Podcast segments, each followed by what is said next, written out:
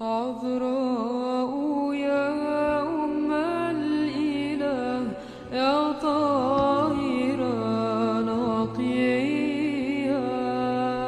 La det forgjengelige lys fra din åpenbaring skinne i våre hjerter, o menneskekjære Herre. Måtte du opplyse våre sinn når vi leser om dine hellige tjenere. Lær oss ved deres eksempel å leve i lyset, slik at også vi kan leve for deg, vår Herre og velgjøre, for du er god og elsker menneskene. Den 19. september minnes vi de hellige martyrene Trofimus, Sabatius og Dorymedon. Disse helgenene levde under keiser Probius' regjeringstid, omkring år 277. På gjennomreise i Antiokia i Pisidia under Apollonfesten ble de hellige Trofimus og Sabatius bedrøvet da de så innbyggerne i vanvidd. De rettet brennende bønner til Gud om byens frelse og erklærte seg offentlig for kristne.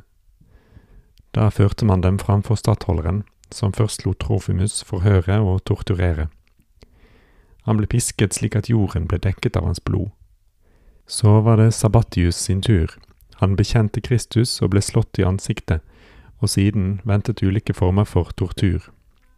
Den hellige oppgav ånden under disse pinslene. Så ble Trofimus ført foran Perenius Dionysios, stattholderen over Frygia. Man gav ham sandaler som hadde spiker i, og da han fortsatte med dristig å bekjenne Kristus, pisket man ham på ny og overøste deretter hans sår med salt og eddik. Da besøkte Dorymedon, den første blant rådgiverne i staden, Trofimus i hans fengsel, og også han erklærte seg overfor stattholderen for å være kristen.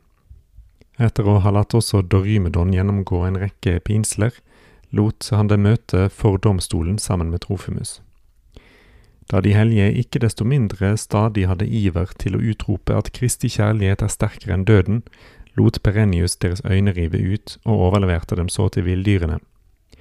Men villdyrene ville ikke røre dem, men æret den nåde som var i dem. Da lot stattholderen dem halshogge. Avro.